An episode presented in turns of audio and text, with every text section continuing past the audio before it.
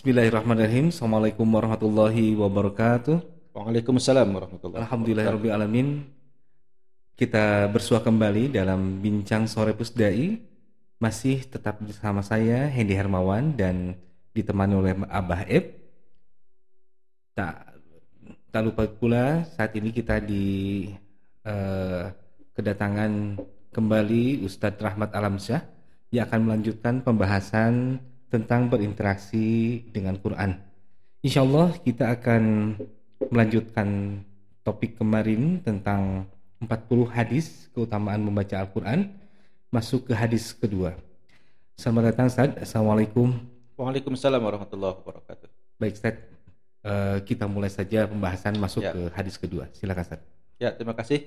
Bismillahirrahmanirrahim. Jadi di uh, pem- perbincangan kita yang uh, lalu ya, Ya. itu hadis yang pertama dan ini sedikit saja untuk uh, mengingat ya, bahwa sekali lagi salah satu tolak ukur ya, tolak ukur dari kualitas seseorang itu di antaranya adalah uh, seberapa dekat seseorang itu dengan Al-Quran. Maksudnya seberapa uh, serius, seberapa sering dia mau membaca Al-Quran.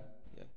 Uh, karena dengan membaca itulah uh, menjadi satu indikasi bahwa uh, bacaan itu memang berarti dekat dengan jiwa dia.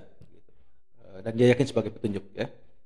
Oke, jadi itu hadis yang pertama. Nah, sekarang untuk hadis kedua tentang keutamaan Al-Quran ini, ini ada uh, hadis dari Abu Sa'id radhiyallahu anhu. An Abi Sa'id radhiyallahu anhu qala qala Rasulullah sallallahu alaihi wasallam yaqulu Ar-Rabbu tabaraka wa ta'ala man syaghalahu al-Qur'anu an dzikri wa mas'alati a'taituhu afdhala ma u'ti as-sa'ilina wa fadlu kalamillahi ala sa'iri kalami ka fadlillahi ala khalqihi rawahu Tirmidzi wa Darimi wa. Baihaqi fi Sya'bi jadi eh, ini ini semisal dengan hadis apa ini hadis Ya. qudsi ya Ya. jadi karena Allah berfirman, tapi kemudian disampaikan oleh eh, Nabi Muhammad SAW. Karena ada ungkapan eh, apa namanya? Qala Rasulullah sallallahu alaihi wasallam apa ini? Tabaraka wa ta'ala man syaghalahul Qur'an. Oh, bukan ya, bukan hadis qudsi, bukan. Bukan hadis qudsi, maaf. Ini hadis langsung dari Rasulullah SAW, maaf. Tapi memang di situ mengambil atau menjelaskan ya, eh, bagaimana Allah memberikan eh, penghargaan begitu kepada Ya. orang-orang yang senantiasa sibuk dengan membaca Al-Qur'an begitu. Iya. Dan ungkapan syagola di sini eh, karena ini secara bahasa ya. Hmm. Orang-orang Arab itu kalau misalnya ditanya sed- apa kesibukannya apa gitu, Hmm. pekerjaan yang dilakukan sekarang apa itu biasanya dengan ungkapan eh, syugal. Nah, syagola.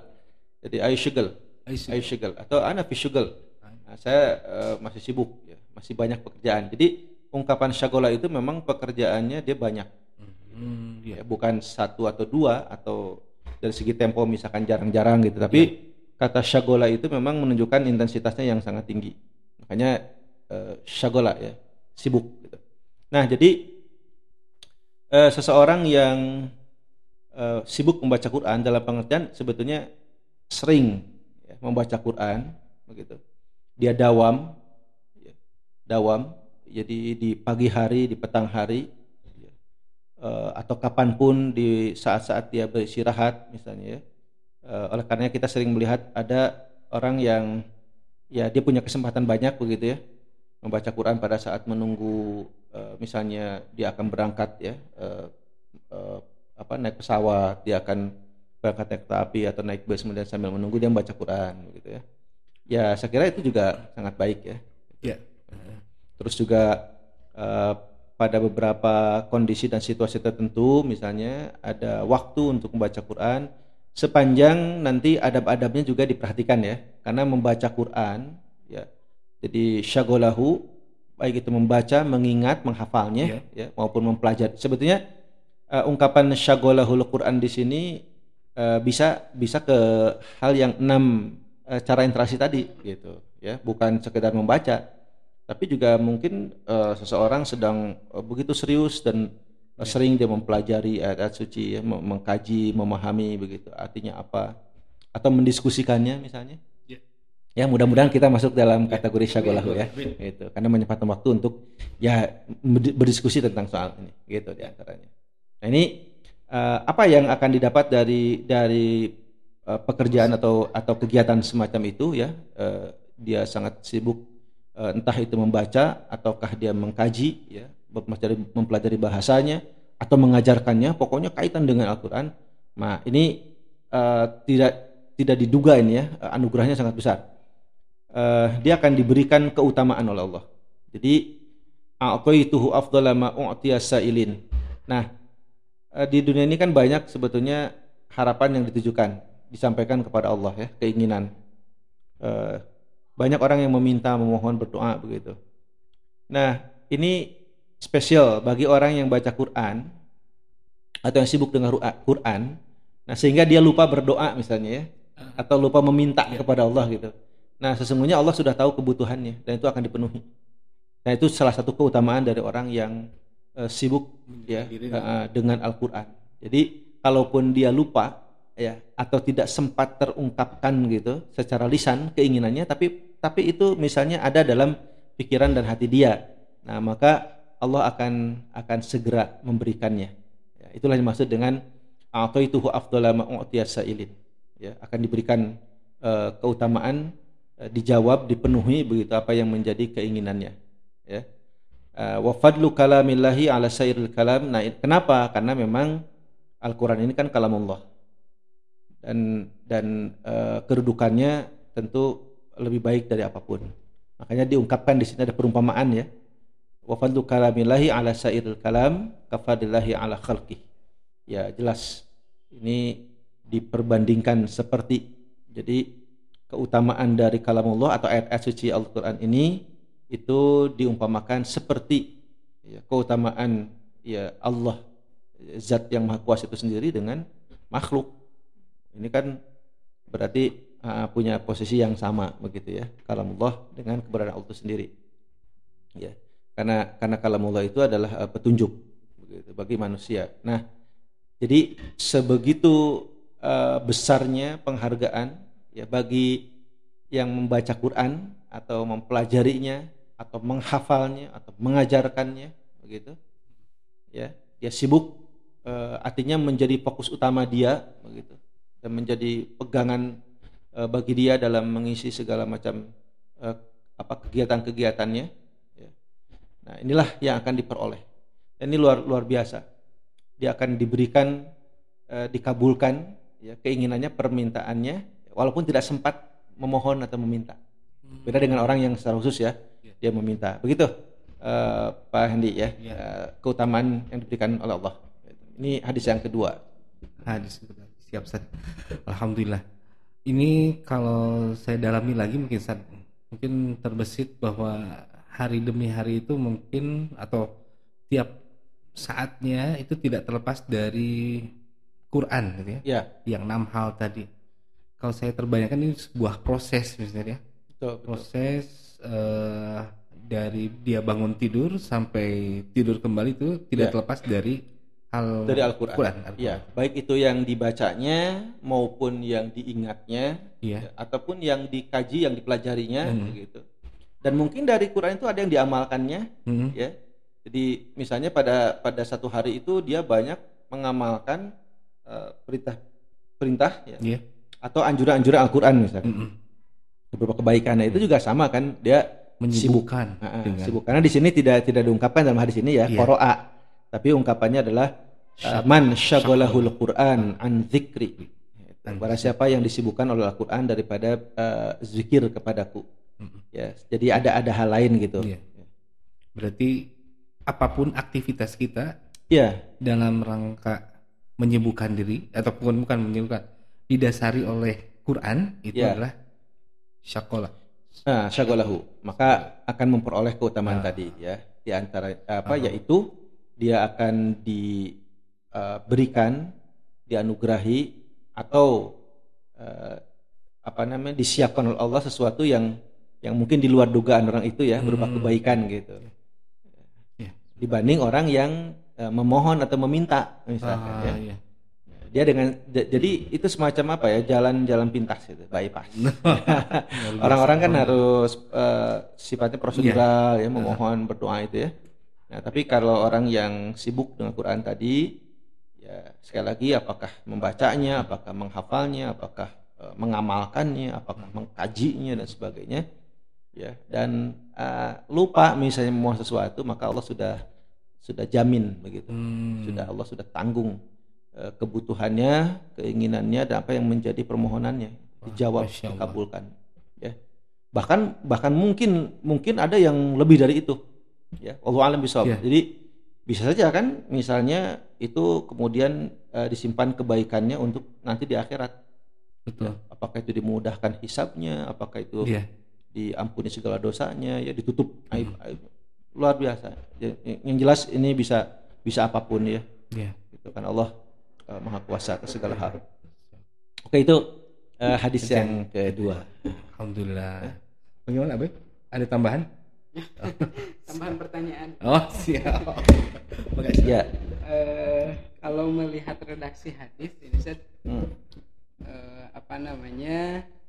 Eh, man syaghalahul Quran an dzikri. Walaupun memang eh, dari sisi bahasa membaca Quran juga eh, ada yang menyebutkan bagian daripada Zikir. zikir. Ya, betul. Eh, ini posisinya gimana Ustaz? Ya. Eh, jadi bukan untuk di jadi ini nggak dipertentangkan dalam sisi mana yang lebih baik misalkan ya. Hmm, Nah, ya, Dua-duanya memang baik betul, ya, betul. zikir. Nah, zikir itu kan mengingat Allah. Nah, salah satu mengingat Allah juga sama membaca Quran sebetulnya ya.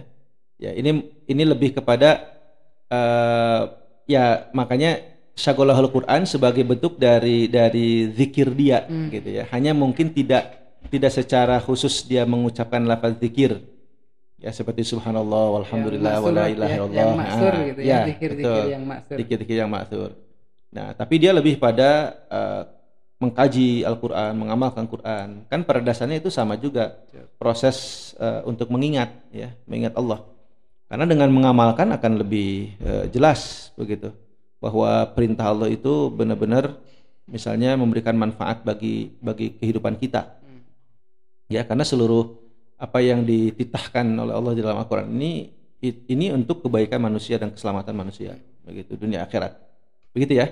Ya. Eh, jadi ini ada sisi yang lain bahwa kalaupun misalkan dia tidak berzikir tapi dia lebih eh, lebih pada Al-Qur'annya begitu membaca, menghafal dan sebagainya dan itu pun sebetulnya adalah zikir. Nah, maka eh, satu kelebihan itu diberikan oleh Allah eh, ketimbang hanya sekedar mungkin me- apa melafazkan eh, zikirnya saja subhanallah walhamdulillah wala ilaha illallah. Walaupun diungkapkan bahwa itu sebaik-baik zikir ya. Baik-baik ah, la ilaha illallah itu kan sebaik-baiknya Sebaik-baik eh, berzikir.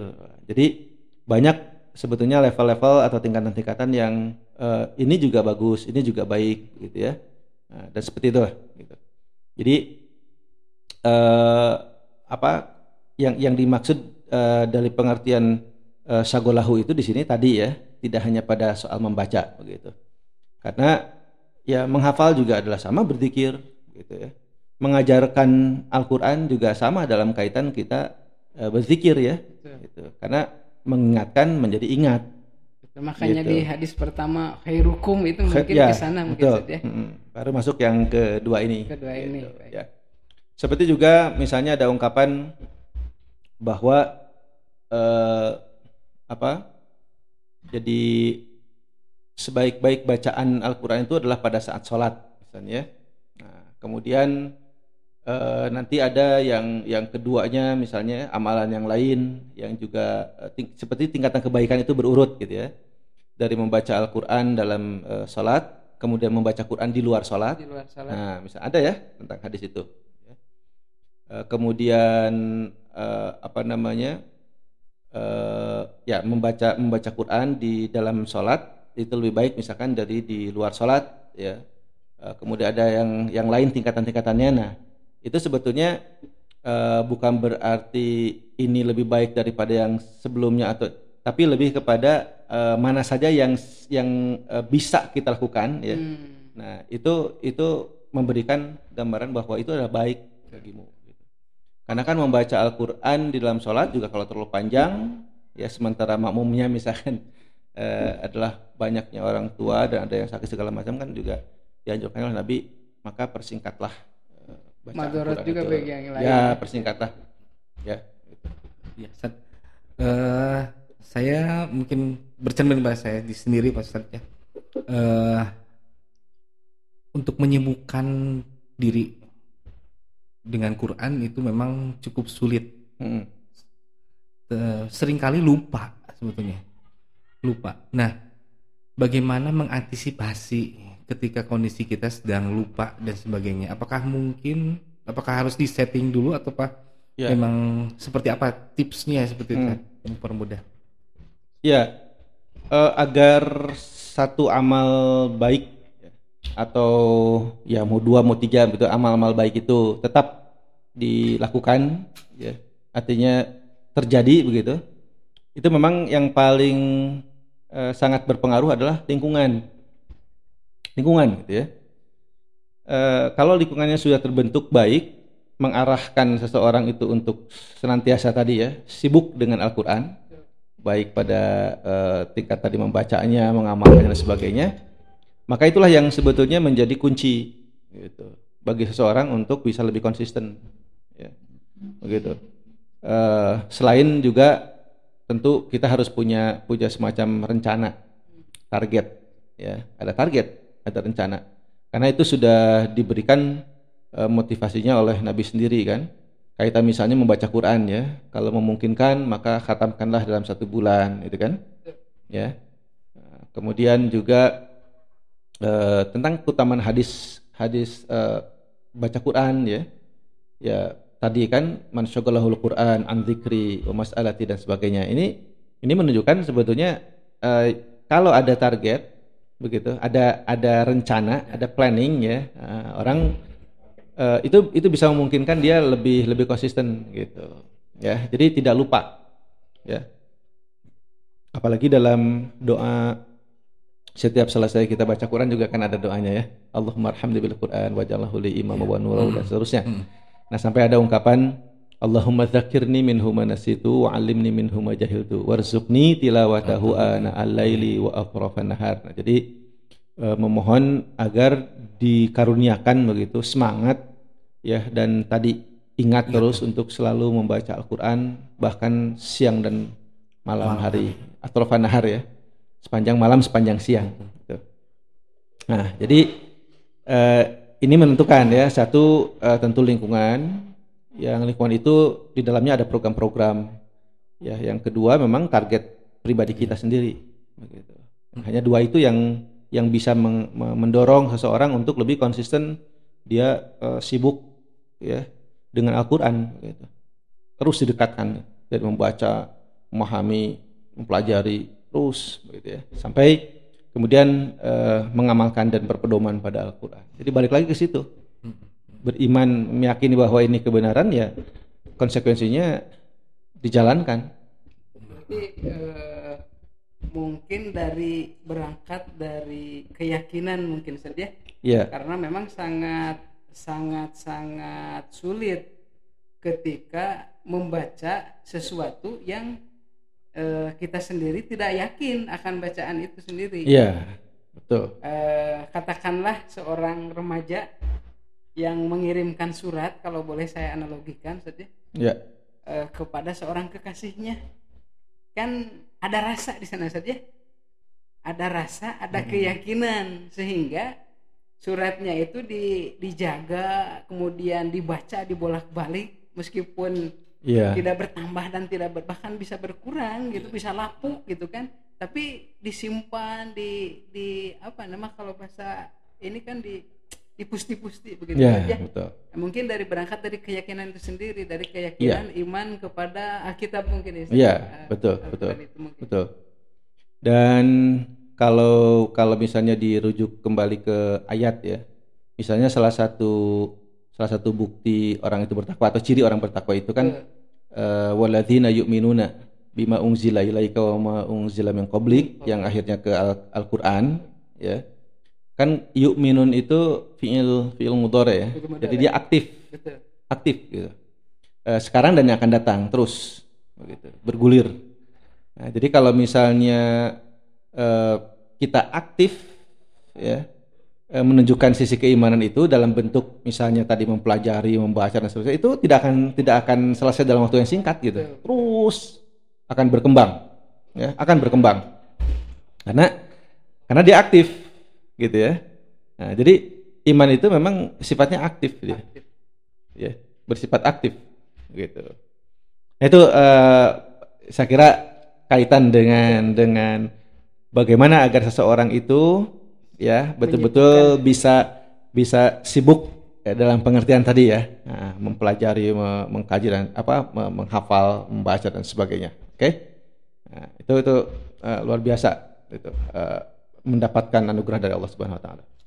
Alhamdulillahirabbil Terima kasih Ustadz penjelasannya.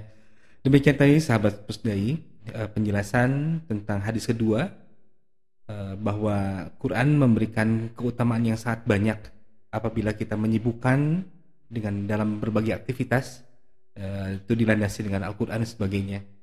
Dan insya Allah kita akan bertemu kembali dalam sesi berikutnya di hari esok sore di jam yang sama di sore hari ini seperti sore hari ini maksudnya uh, dengan pembahasan hadis yang ketiga tentang keutamaan membaca Al-Quran. Insya Allah okay. uh, eh, akan ditem. Ya, Oke, okay.